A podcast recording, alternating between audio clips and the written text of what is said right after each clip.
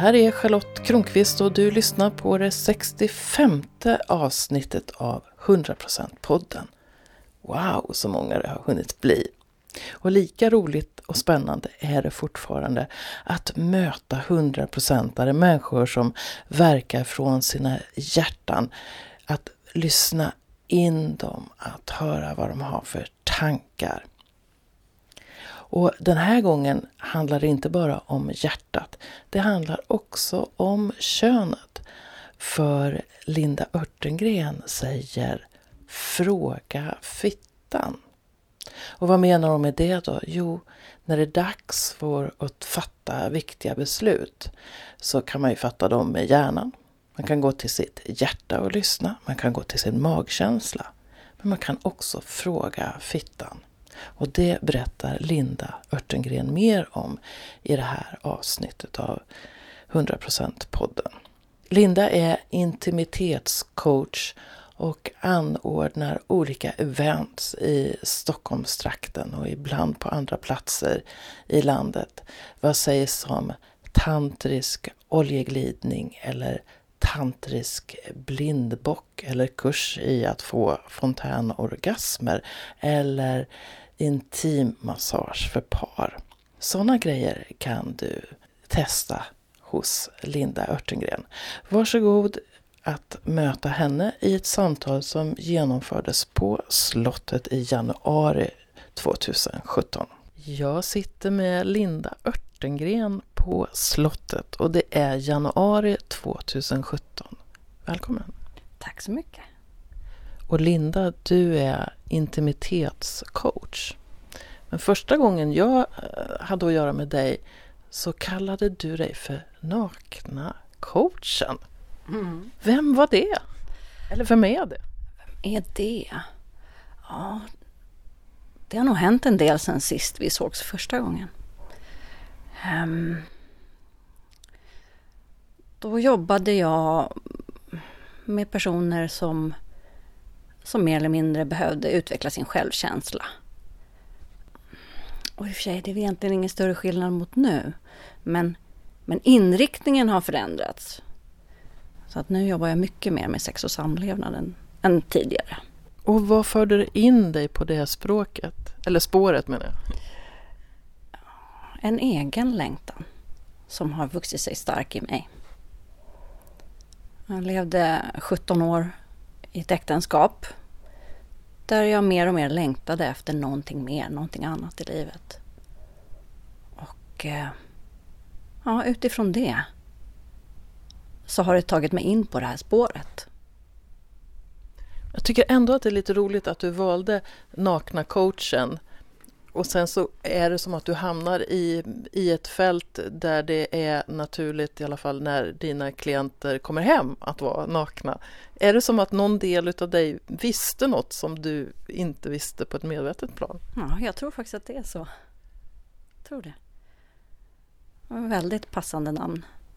För då handlade det mer om ett, att jag tänkte mig att, att nakna coachen var ett naket avskalat sätt att förhålla sig till, till eh, mötet med sig själv.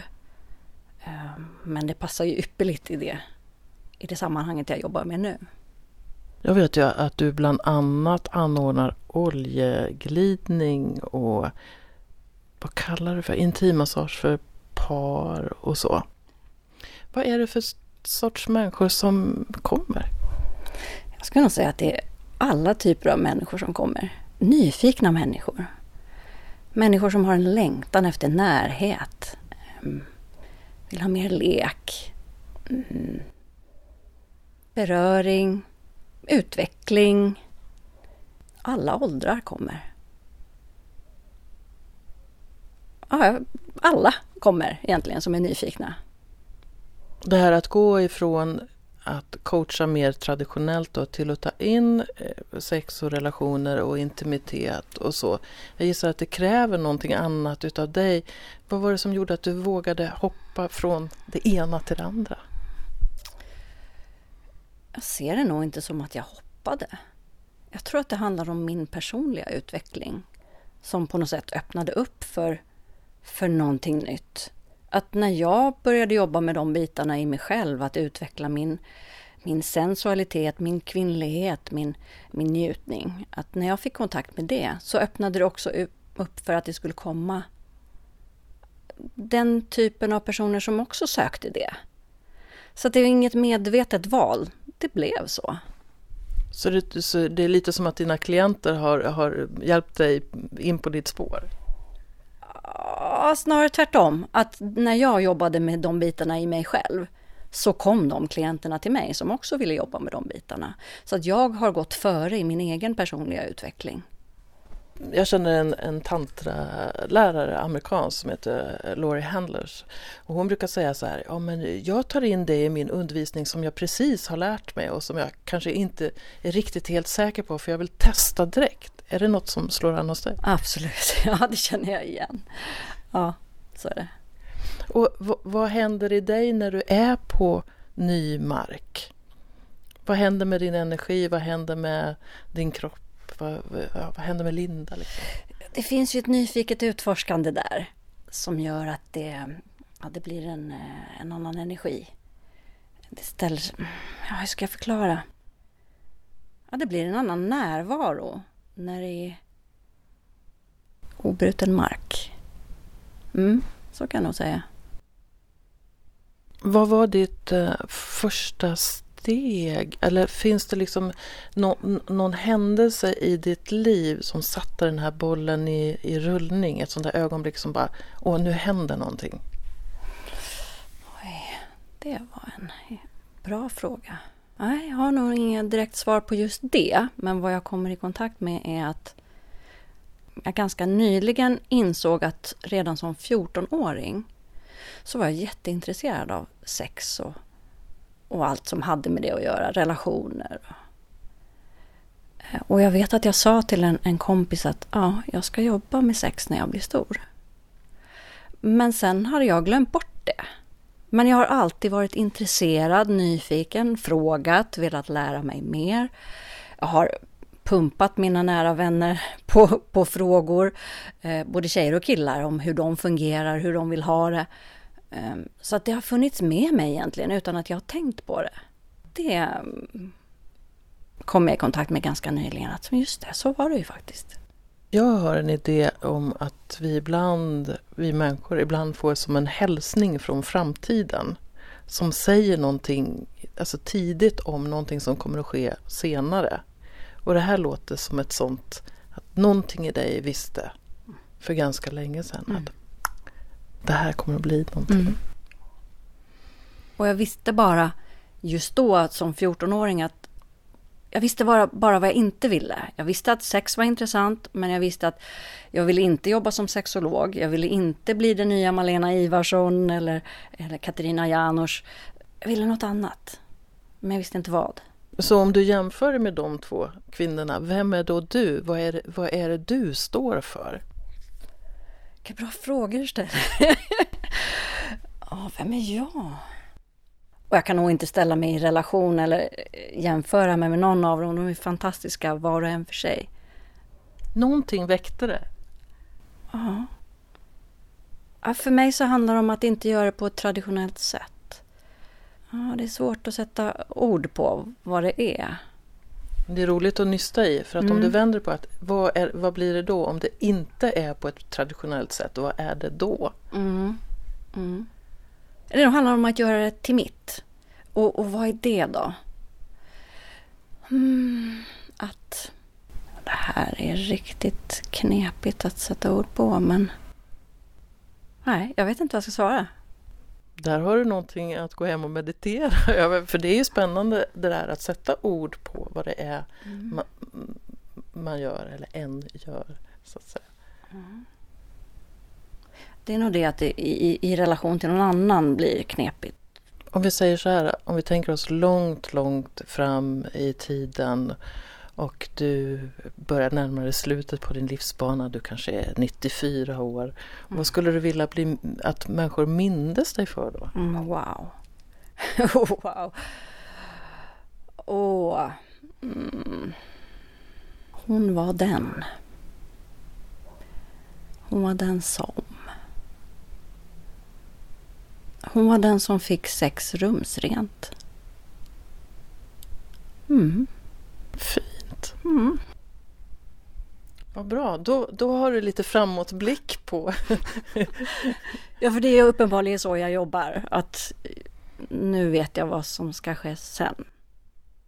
Jag brukar säga om mig själv att jag kan prata om sex på ett påklätt sätt. Så Ah. att det känns som vi är lite systrar här. Mm. Ja, absolut. Vad härligt. Hur ser du på livet? Alltså varför är just du, Linda, här i den här kroppen just nu? Har du, har du tankar om det?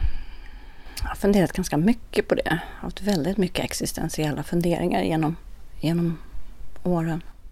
Det beror väl lite på vilken livsåskådning man har, men jag tänker att jag är här för att... Eller jag tänkte länge att jag är här för att lära mig. Men jag har insett att jag kan nog redan allt jag behöver kunna. Jag kom hit den här vändan för att eh, komma ihåg det jag redan vet. Och hur fångar du upp det?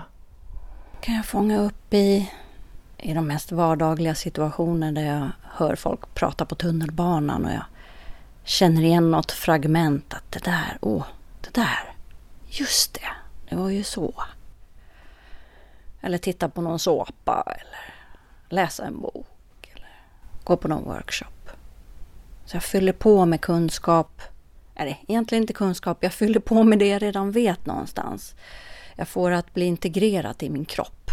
Och då säger du samtidigt att du i din världsbild så är vi något mer än våra fysiska kroppar då? Oh ja, ja det tror jag. Berätta. Om det ens går att sätta ord på. Jag minns att jag som väldigt ung hade en känsla av att jag, jag tittade ut genom de här ögonen och beskådade världen. Och det var en sån märklig känsla att jag hade en kropp. Och det har jag nog egentligen inte förstått riktigt. Men, men ja, det hänger ihop med det så jag ser på livet. Att mm, vi har inte bara vår, vår kropp, vi, vi är så mycket mer än det. Är det som att vi har kroppen till låns ett tag och sen återgår vi till någonting annat? Ja, det, det tror jag. Vad intressant för när du, när du sa det där så kändes det som att du var i det du berättade. Det vill säga som att du tittade ut något, eh, från din själ på något sätt Ja. ut här i rummet. Ja, ja det kändes så. Så då har du, en, du har en slags kontakt med det där som är då mer. Ja. Men ser du det, vissa, vi, vi, nu tittade vi långt fram då hur, Mm. till när du har gjort sex eh, rumsrent. Men har du också en känsla av att du har kommit hit för att du har ett uppdrag eller uppgift att göra någonting? Är det så konkret för dig? Nej, det, det är inte så tydligt. Betyder det att, att du... Nu, blir det som att jag ställer ledande frågor men jag är så nyfiken. Men betyder det liksom att du tänker att det, du kommer till den här kroppen men, men du kan forma det livet du har? Det är inte som att det är något någon som har bestämt från början? Jag tror att jag kan, jag kan styra och välja mitt liv. Mm. Ja, det tror jag. Jag tror nog ändå att vi har en, ett syfte med att vara här. Och sen är bara frågan att hitta det, vad det är. Jag har ett eh, minne från eh, något som hände för en massa år sedan när jag var i början på min inre resa. Och så satt jag mitt emot en man som var någon slags terapeut och så frågade han om jag hade någon livsuppgift. Och jag sa bara ja, men jag vet inte vilken det är och jag är Mm. rädd att jag inte ska klara den och så. Och då sa han, och vem har gett dig den här då? Och jag höll på att freaka ut fullständigt. Och då sa jag, om jag hade trott på Gud så hade jag sagt att det var Gud som hade gjort det. Och då log han med hela sig och sen så var det flera människor där och så frågade han så här, är det någon annan här som har en livsuppgift? Och så alla räckte upp händerna. Och det var ett sammanhang när jag tänkte så här, här har jag möjlighet att träffa den här människan. Vad är det som jag tycker är svårast att prata om? Och, och egentligen handlade det om, som jag ser det idag, att det jag såg det är att jag har ett värde. Sen Sen har jag kommit fram till att i grund och botten så är min, min uppgift att vara mig själv. Och sen vad det blir, det är något annat. Mm. Ja, jag kan känna igen bitar i det du beskriver. Eh, jag vet att jag har sagt vid något tillfälle som var lite störande för en del som hörde av sig. Men så att, att jag bidrar till världen genom att bara vara mig själv. Den känns sann. Och det kan provocera att säga så? Tydligen. Ja. Eftersom vi båda då jobbar med, med sexualitet och relationer och intimitet på olika sätt. Ja, så jag är nyfiken på vad du möter. Du sa att du möter alla slags människor och så. Det jag också har mött det är att människor kan bli lite osäkra eh, runt mig eller ha föreställningar om vem jag är och vad jag står för som ibland är väldigt långt ifrån den som är jag. Så om vi, om vi tar det i ett allmänt sammanhang där du inte vet att de här människorna är intresserade. Hur, hur blir du mött av dem? Jag tycker att människor som jag möter som för första gången får höra vad jag jobbar med är väldigt öppna och nyfikna på vad det är jag gör. De kanske inte säger det direkt, men jag märker där att ja, de vill ändå närma mig och kanske ställa någon fråga sådär. När de känner sig lite mer bekväma. Men, men med nyfikenhet och öppenhet är nog det vanligaste. Mm, det kan jag känna igen. Och, och samtidigt så kan jag också, har jag också varit med om att människor att det är som att de känner att de kan ställa vilka frågor som helst till mig eller komma med vilka påståenden som helst. Ungefär som att dörren är öppen. Så jag kan sitta i ett möte som kan handla om vad som helst och plötsligt börjar någon bara berätta om sitt sexliv eller eh, ställa frågor eller så. Och så känner jag så här, men jag har inte bett om att bli så intim just här just nu. Det är som att det finns en längtan efter att tala. Ja, men med henne kan jag göra det. Inte med min partner eller inte med mina mm. vänner, men med henne. Ja. ja. ja. Kan nog känna igen vissa delar där också. Men det är ju intressant att man väljer att, öppnar sig för någon som kanske inte känner så väl. Eh, istället för att prata med sin partner. Där man kanske skulle kunna börja. Den där aspekten tycker jag är så superintressant. Alltså hur förhåller vi oss till de som är nära oss? Om vi hela tiden behöver gå omvägar och om vi är så rädda för att säga hur det känns eller vad vi önskar eller vad vi är rädda för. Den här bristen på, på intimitet och kanske känslan av att det är farligt. Ja, ja, det är intressant. Vad tycker du man kan göra för att eh, hjälpa människor där på vägen att ta in det här som samtalsämnen i, i sina vanliga liv och inte bara komma till oss? Jag tror man behöver bestämma sig för att man vill möta den man lever med eller relaterar till. Att ha en intention med att ja, men nu, nu vill jag att vi pratar om det här.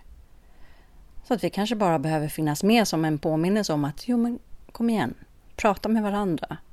Det är där ni kan börja. Har det hänt att du har varit rädd för vad andra ska tycka om dina val? Nej. Jag är lyckligt eh, förskonad från det. Wow. Ja. Jag kan säga att jag är så tacksam över att jag har fått med mig från min mamma att jag vet inte vad dåligt samvete är. Skam har jag nästan aldrig känt. Och jag fick lära mig tidigt att man bryr dig inte om vad andra tycker och tänker. Så att det här med att skämmas för att jag har träskor på mig, nej, det finns inte.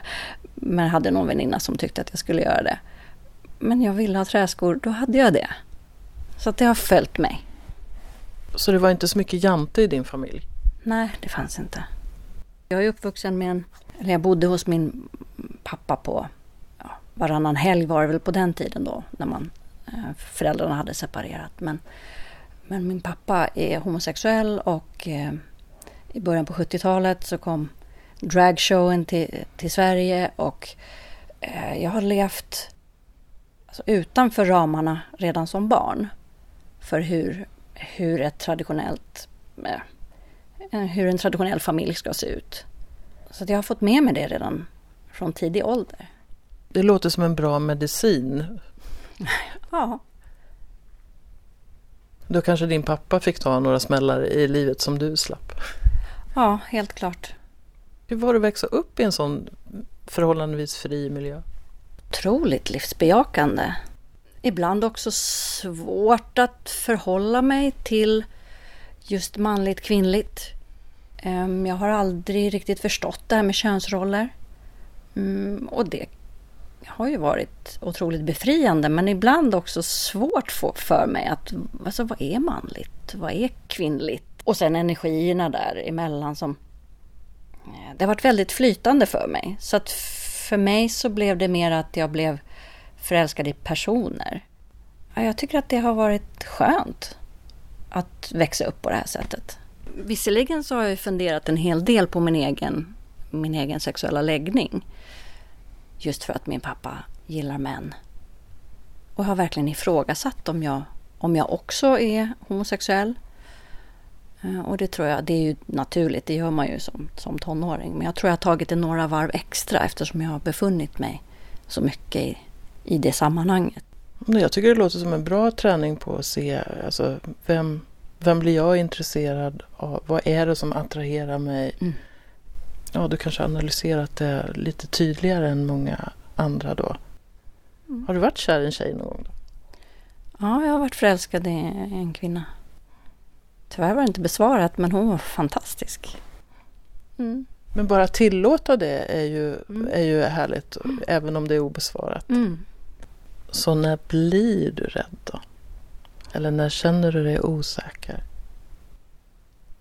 Jag blir rädd när jag kommer i kontakt med känslor som är från så långt bak i tiden att jag låg i min mammas mage eller från födseln. Och det är så pass långt tillbaka att jag inte hade ord. Den rädslan som kommer upp i mig har jag svårt att beskriva. Det är mer så att rädslan sitter i kroppen. Och den kan komma upp i sammanhang när jag känner att det är någon form av separation i mötet med en annan människa här och nu. Och då kommer jag i kontakt med någonting som var från min födelse.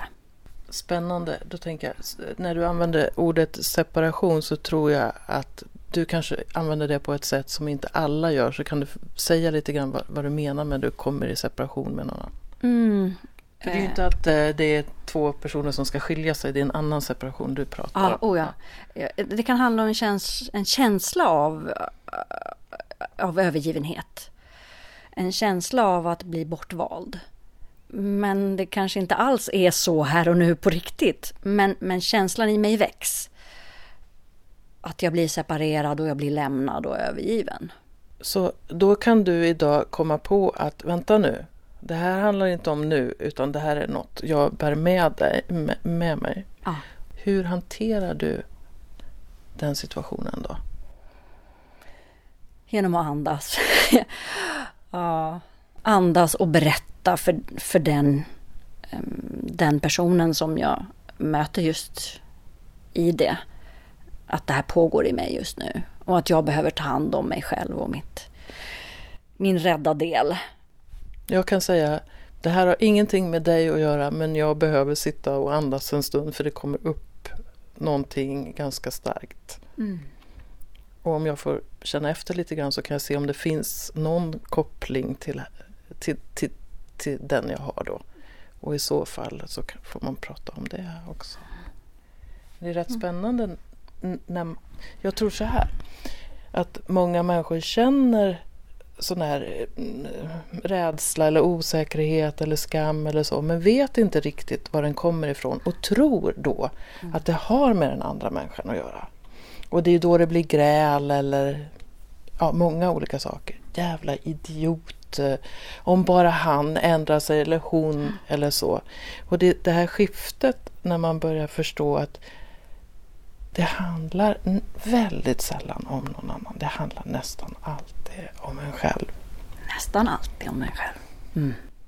För mig är det både en befrielse och ibland kan det också säga, gud vad skönt det vore att ha någon annan att skylla på. Ja, verkligen. My shit again! Ja. Så när, när, när skrattar du åt dig själv då? Ja, jag kan skratta åt mig själv eh, när jag inser vilka mindfucks jag håller på med. Eh, att jag gör krokben för mig själv genom att tänka mm, jobbiga grejer. Ah, det är som att ibland så vill jag inte tillåta mig själv njutning fullt ut. Ja, men kom igen! För att? Ja, eller hur? För att. Ja, det, det är mindfucks. Och hur han, alltså hur han, du, du, du, du får inte njuta fullt ut ja. och så kommer det tankar kring det. Och vad gör du? Alltså ett sätt är ju att stanna upp och andas, men finns det an, har du andra spännande strategier? Nej, men det är just det här som du alltså när skrattar du? Ja. ja men då, när jag kommer till insikt så kan jag faktiskt garva åt, men vad håller jag på med? Visst är det skönt? Ja, det är jätteskönt. Jag, tycker, jag känner mig mer och mer som ett barn men med det, det vuxna med. Det vill säga jag har lekfullheten, mm. jag kan skratta åt mig själv. Mm. På juldagen så var jag hemma hos min mamma och så säger min vuxna dotter så här Mamma kan du inte göra en yogapås? Och så visar hon yogapåsen där man står och man krullar ihop benen på olika sätt. Och jag kunde inte göra det. Utan jag började skratta så hysteriskt att jag föll omkull på, på mattan och bara låg i flera minuter och gapskrattade. Vilket gjorde att alla i sällskapet blev väldigt glada. Men då tänker jag att för några år sedan så hade jag tänkt så här, shit jag kan inte göra den här yogapåsen, åh vad jag är stel, åh vad jag är dålig och nu bara... Visst är det skönt när man kommer till den punkten? Ja, det är så underbart. Befriande. Och det tror jag någonstans är det paradoxala, att det är att vara vuxen. Mm, kan stämma. För mig är det som att jag kan vara nästan alla mina åldrar samtidigt och så ha nytta av eh, det lekfulla barnet. Oh ja. Och, oh ja. och, så. och ibland behövs den strikta affärskvinnan och ibland behöver man gå in i sin mammaroll i förhållande mm. till någon och så. Jag har också en inre krigare som jag plockar fram ibland. Du har ju två döttrar. Ja. Och så har de en mamma som jobbar med intimitet. Mm. Hur är det? För mina döttrar menar du? Mm. Ja, de befinner sig i en väldigt speciell ålder, nämligen de är tonåringar båda två. Och eh, ja, de uttrycker i alla fall att det är väldigt pinsamt. Vad, vad jag än gör just nu så är det pinsamt. Men någonstans så vet jag att de är väldigt stolta över mig och de har också en väldigt nyfikenhet på, på vad det är jag gör.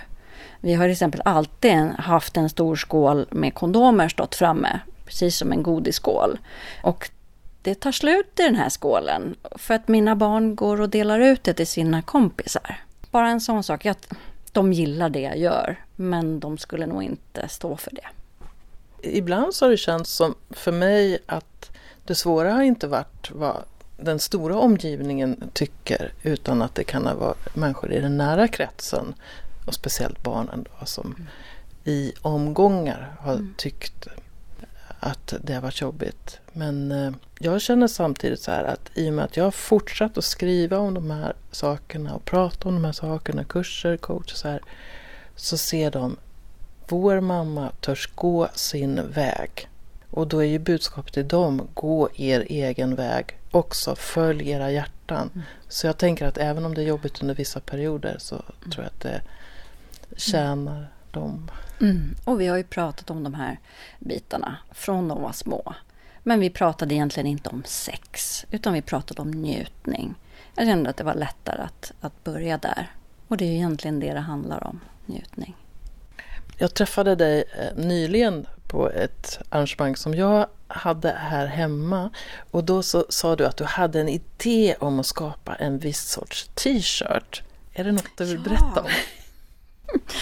Ja, jag brukar prata om att, att um, en del pratar om sin magkänsla och att man, man frågar hjärtat i, när man behöver få svar eller vad säger magen. Men jag anser att vi kan absolut fråga vår fitta. Så att eh, det är vårt största beslutsorgan för oss. Fråga fitta. Fråga fittan. Och när du säger att det är det största beslutsorganet, kan du inte berätta lite mer om det? Jag blir så nyfiken på hur du ser på det.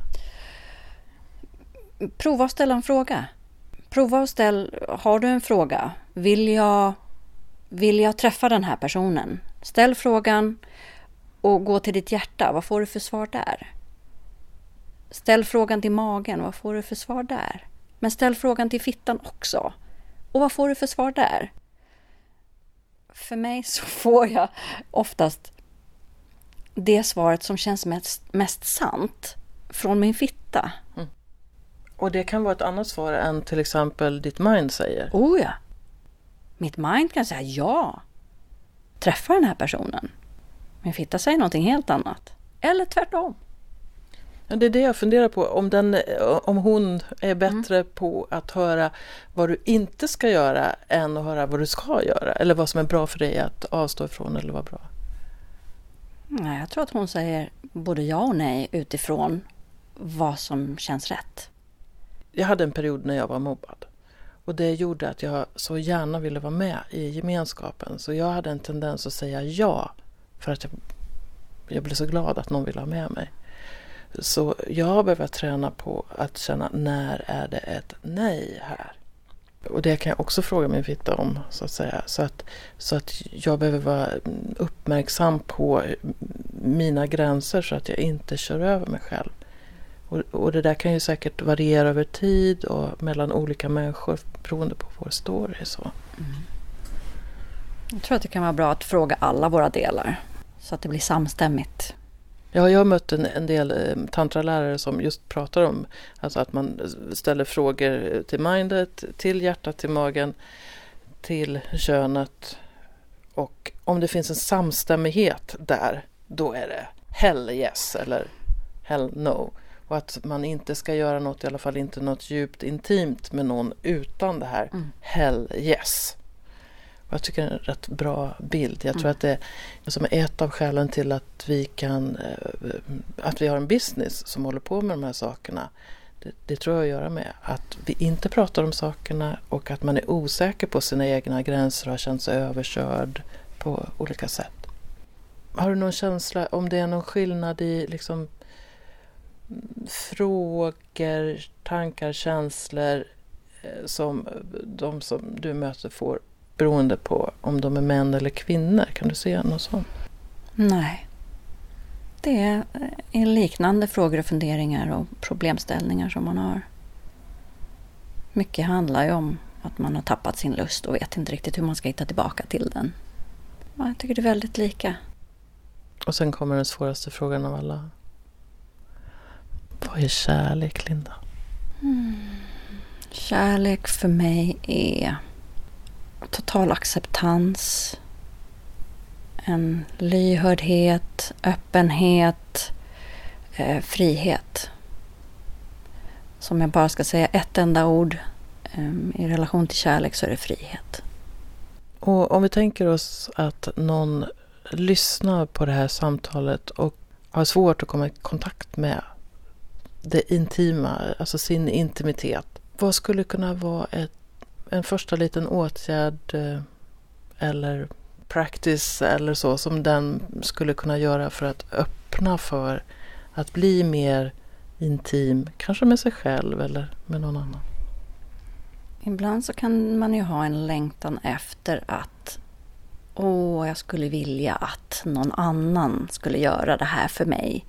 Bli utbjuden eller massera mina fötter eller mm, tappa upp ett bad för mig. Så hur skulle jag vilja bli uppvaktad?